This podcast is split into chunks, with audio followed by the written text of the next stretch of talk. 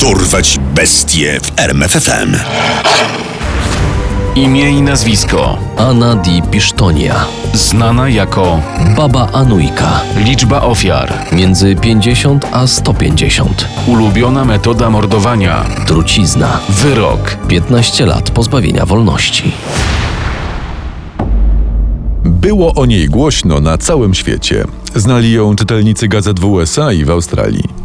Oficjalnie została oskarżona o współudział w dwóch zabójstwach, ale przypisuje jej się nawet 150 ofiar, którym przez 40 lat pomagała dostać się na tamten świat.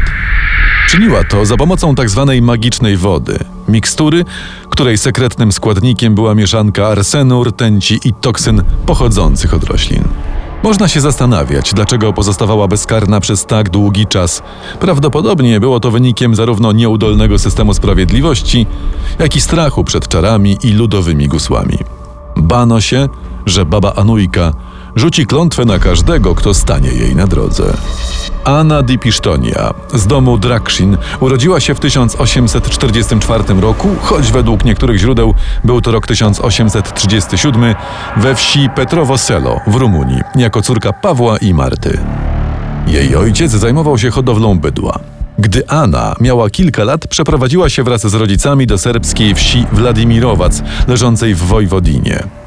Bogaci rodzice wysłali ją do elitarnej szkoły z internatem, by odebrała staranne jak na ówczesne czasy wykształcenie. Dziewczynka szczególnie interesowała się chemią i medycyną. Mówiła też biegle w pięciu językach. Koleżanki uważały ją jednak za dziwaczkę. Ja tam się jej boję. Lunatykuje w nocy. Spać przez nią nie można. Chyba ma kontakt z samym szatanem. Po skończeniu szkoły Anna zajęła się medycyną ludową i tak zwanym ziołolecznictwem. Nie na długo jednak. Gdy miała 20 lat, poznała austriackiego oficera, który uwiódł ją i porzucił, pozostawiając jej pamiątkę w postaci syfilisu. Anna bardzo przeżyła miłosny zawód. Zamknęła się w domu i nie chciała mieć kontaktu z ludźmi, a już na pewno nie z mężczyznami. Na to nie mógł pozwolić jej ojciec. Anna, chciałem ci kogoś przedstawić. Pan Di Pisztonia. Mam nadzieję, że przypadnie ci do gustu. Ojciec dopiął swego i wydał ją za mąż za bogatego i o 20 lat starszego od dziewczyny właściciela majątku ziemskiego.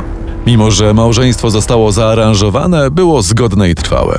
Cieniem na nim położyły się natomiast tragedie związane z dziećmi Anny i jej męża. Choć kobieta urodziła ich jedenaścioro, tylko jeden syn dożył do pełnoletności. Po 20 latach małżeństwa Anna została wdową. Wtedy to postanowiła wrócić do swoich zainteresowań, których nie praktykowała, zajęta życiem rodzinnym. Szybko zyskała okoliczną sławę uzdrowicielki i cenionej zielarki. W części domu urządziła coś na kształt laboratorium, gdzie sporządzała leki i mikstury. Jej głównymi klientkami stały się kobiety, mające problemy w małżeństwie. Anna, którą zaczęto nazywać babą Anujką, pytała tylko o jedno. Jak duży jest problem? Było to pytanie o wagę ofiary. Odpowiedź na nie pomagała Anujce przyrządzać zatrutą miksturę, czyli tzw. eliksir miłości, w odpowiednich do masy ciała proporcjach. Kobieta pomagała też unikać służby wojskowej młodym mężczyznom, przygotowując dla nich tzw. magiczną wodę. Czy to mnie nie zabije? Nie, jeśli weźmiesz tyle, ile ci każę. Magiczna woda wywoływała choroby, umożliwiając mężczyznom wywinięcie się od wojska. Według wielu źródeł Anujka zwracała uwagę na dawkowanie eliksirów. Ostrzegała przed zbyt dużą ilością trucizny, która może spowodować zgon. Mówiła także o tym, że zbyt mała nie przyniesie żadnych efektów. Eliksiry stosowane przez klientów czy przez klientki w nadmiernych ilościach powodowały zgony na ogół po 8 dniach. Tymczasem Anujka żyła dostatnio i bez wyrzutów sumienia, uważając, że nie jej winą jest to, że ktoś chce otruć żonę czy zamordować męża. Ciesząca się sławą lokalnej czarownicy kobieta bardzo dbała o swój wizerunek. Ubierała się na czarno, w jej domu panował mrok, a podczas wizyt klientów pochylona nad fiolkami szeptała nieznane słowa mające stanowić zaklęcie. Esza Hana Setum Eszem. Magiczna woda, za pomocą której zabiła od 50 do 150 osób i której klienci nie uważali za chemicznie przyrządzoną truciznę, lecz na dowód działania nadprzyrodzonej mocy, nie była jedyną specjalnością baby Anujki. Kobieta posiadała także dar jasnowidzenia. Dzięki niemu ściągały do niej tłumy, wśród których nie brakowało oficjeli z całego cesarstwa austriacko-węgierskiego. Może właśnie to sprawiło, że Anna de Pisztonia tak długo pozostawała bezkarna. Aż do 1914 roku. Wtedy to obok domu Anujki niefortunnie przeszła młoda para wracająca ze swojego wesela. Babciu, a nie macie czasem szklanki wody? Straszny upał. A pewnie, że mam. Już przynoszę. Osiem dni później świeżo poślubiona żona zapadła na tajemniczą chorobę i umarła. Wkrótce potem umarł także jej mąż. To zwróciło uwagę władz na słynną zielarkę. Aresztowano ją pod zarzutem morderstwa. Jednak sąd nie znalazł przekonujących dowodów na to, że to woda podana przez babę Anujkę pozbawiła życie dwojga młodych ludzi. Anna została uniewinniona. Odtąd w ludziach, którzy ją znali, jeszcze bardziej umocniło się przekonanie, że za kobietą stoją siły nieczyste i że każdy, kto im się przeciwstawi, na przykład donosząc na Anujkę, poniesie karę. Nigdy nie udało się ustalić, czy źlarka faktycznie odpowiadała za śmierć nowożeńców. Dokumenty sądowe zniknęły wraz z zawirowaniami spowodowanymi I wojną światową. Baba Anujka mogła więc działać dalej, a nawet rozwijać swój interes. W latach dwudziestych XX wieku zatrudniła niejaką Liubinę Milankow, która za niewielkie pieniądze została kimś w rodzaju asystentki znachorki. Młoda kobieta miała się zajmować głównie pozyskiwaniem nowych klientów dla magicznej wody. Cena osiągała już wówczas nawet 10 tysięcy dinarów jugosłowiańskich. Baba Anujka żądała tak, żeby korzystający z jej usług przynosili czarną i białą kurę, worek popiołu, bazylię i kadzidło. Zwierzęta oraz przedmioty miały być elementem umowy zawieranej z samym diabłem. Ponieważ wymagania rosły, coraz trudniej było znaleźć nowych klientów. Milankow jeździła w tym celu do pobliskich miejscowości i podsłuchiwała kręcące się po lokalnym targu kobiety. Nie, nie, nie, ja już po prostu z tym moim chłopem nie wytrzymam.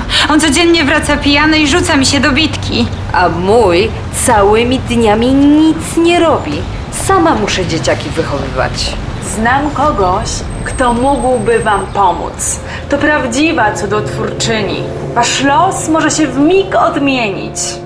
Gdy kobiety pojawiały się w domu baby Anujki, ta, poinformowana wcześniej przez Liubinę, w czym leży problem, udawała, że czyta z oczu lub dłoni szczegóły z życia nowych klientek. Milankow pomagała także Anujce w jej domowym laboratorium. Mieszała eliksiry, przygotowywała magiczne mikstury i uczyła się od znachorki tajników medycyny ludowej. Interes kwitł bez zakłóceń aż do stycznia 1924 roku. Wówczas to rozpoczęła się seria podejrzanych zgonów, która skupiła uwagę śledczych wokół statecznej pani Di Pisztonia. Pierwszym incydentem była sprzedaż magicznej wody Stanie Momirow. Kobieta podała ją swojemu małżonkowi, który po kilku dniach zmarł. Stana szybko wyszła za innego mężczyznę, który także umarł w tajemniczych okolicznościach zaledwie kilka miesięcy po ślubie. Nie wydaje ci się to podejrzane? Nawet bardzo. Trzeba się temu przyjrzeć. Kolejne dziwne wydarzenie miało miejsce w grudniu 1926 roku, kiedy to do Anujki dotarła Sofia Momirow. Z powodu kłótni rodzinnej postanowiła otruć 70-letniego teścia Nicole. Jej planom kibicował mąż Sima.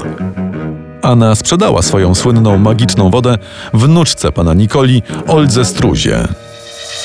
Pamiętaj, dziadek ma wypić wszystko. Do dna.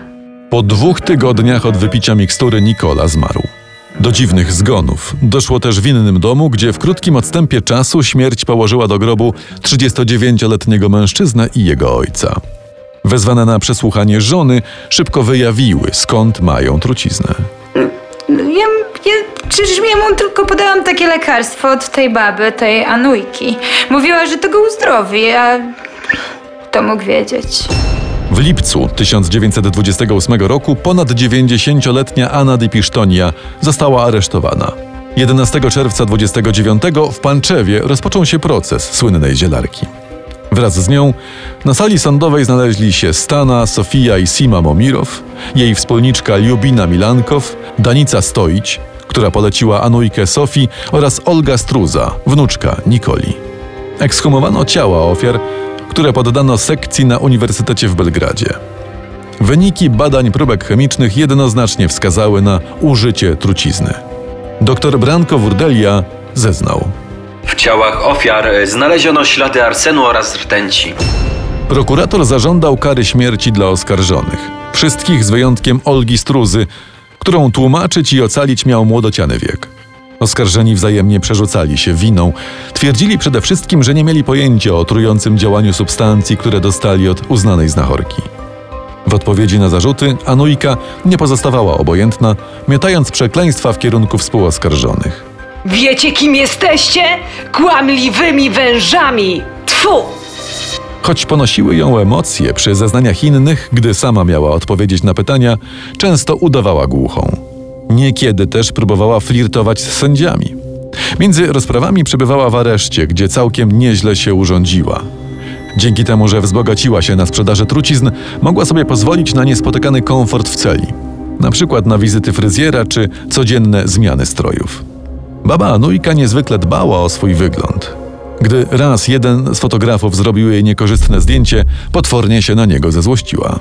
Na tym zdjęciu widać, że nie mam zębów. Proszę je natychmiast zniszczyć. Wymiarowi sprawiedliwości ostatecznie udało się udowodnić udział Anny jedynie w dwóch otruciach ze skutkiem śmiertelnym. 6 lipca 1929 roku sąd ogłosił wyrok. Skazuje Anę Di Pisztonia na 15 lat ciężkiego więzienia. Sima Momirow otrzymał taki sam wyrok jak baba Anujka. Stana i Sofia Momirow zostały skazane na dożywocie. Liubina Milankow na 8 lat pozbawienia wolności. Olgę Struzę i Danijkę Stoić uniewinniono. W listopadzie 1929 roku sprawa trafiła do sądu wyższej instancji w Nowym Sadzie. Dipisztonia została ponownie skazana na 15 lat, a Stana i Sofia Momirow na dożywocie. Sima, który przyznał się nieoczekiwanie, że od początku wiedział, że podaje ojcu truciznę, również miał spędzić resztę życia za kratkami. Lubinie Milankow zwiększono karę z 8 do 10 lat pozbawienia wolności. Struzę i Stoić ostatecznie uniewinniono. Ponad 90-letnia baba Anujka trafiła do więzienia w Pożarewacu. Kiedy umarła? Krążą co najmniej dwie wersje na ten temat. Niektóre źródła podają, że po odsiedzeniu 8 lat w roku 1936 została wypuszczona na wolność. Żyła jeszcze dwa lata pogrążona w demencji w swoim domu we wsi Władimirowacz. Ale inni historycy twierdzą, że przebywała w więzieniu aż do kwietnia 1941 roku, kiedy to Niemcy zaatakowały Serbię. Oswobodzili ją naziści, wyprowadzając niepozornie wyglądającą starowinkę z celi. A ty, babciu, za co tu siedzisz? Ukradłaś komuś cebulę, czy co? Gdyby tylko wiedzieli, że ta poczciwie wyglądająca 104-latka jest po dziś dzień uważana za najgroźniejszą seryjną morderczynię z Bałkanów. Poznaj sekrety największych zbrodniarzy świata. Dorwać bestie w RMFFM.